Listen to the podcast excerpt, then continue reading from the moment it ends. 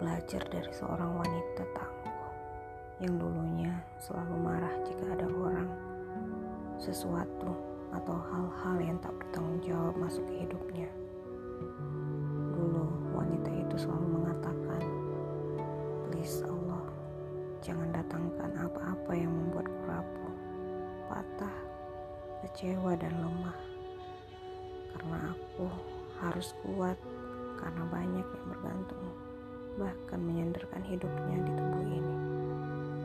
Tapi hebatnya, dia sekarang dia bisa memaafkan hal-hal yang tak bertanggung jawab yang sudah mengganggu, bahkan yang meruntuhkan kekuatannya. Lalu aku bertanya, kenapa dia bisa memaafkan bahkan untuk sesuatu yang tidak bisa selesai dengan hanya kata maaf saja? Dia menjawab, memaafkan bukan berarti memaafkan atas apa-apa yang datang yang membuat rapuh, jatuh, patah, dan pecah begitu saja. Tapi memaafkan dilakukan tak lain dan tak bukan untuk menguatkan, menenangkan diri kembali, dan untuk menolong diri sendiri agar tetap bertahan hidup.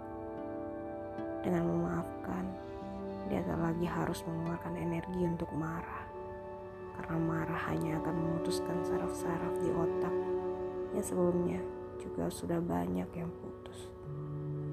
Dan dia pun menambahkan, mungkin apa-apa yang datang yang dulu dia pikir membuat lemah, justru dihadirkan untuk menjadi lebih kuat lagi.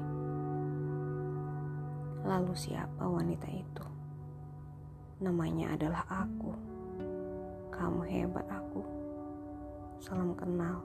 Terima kasih sudah menginspirasi.